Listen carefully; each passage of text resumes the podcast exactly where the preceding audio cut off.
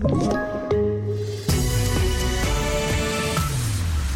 Statens haverikommission ska titta närmare på de nya uppgifter som kommit fram om Estonia i en ny dokumentär.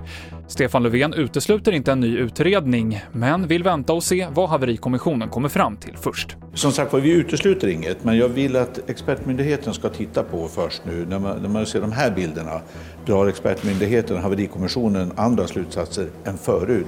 Jag tycker det är ett viktigt första steg att ta. För en stund sen så presenterade Janne Andersson landslagstruppen i fotboll som ska möta Ryssland, Kroatien och Portugal.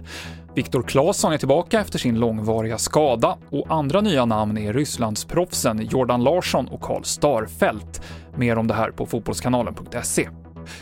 Vi avslutar i Danmark där minst 10 studenter misstänks ha smittats med corona på en bar i Århus.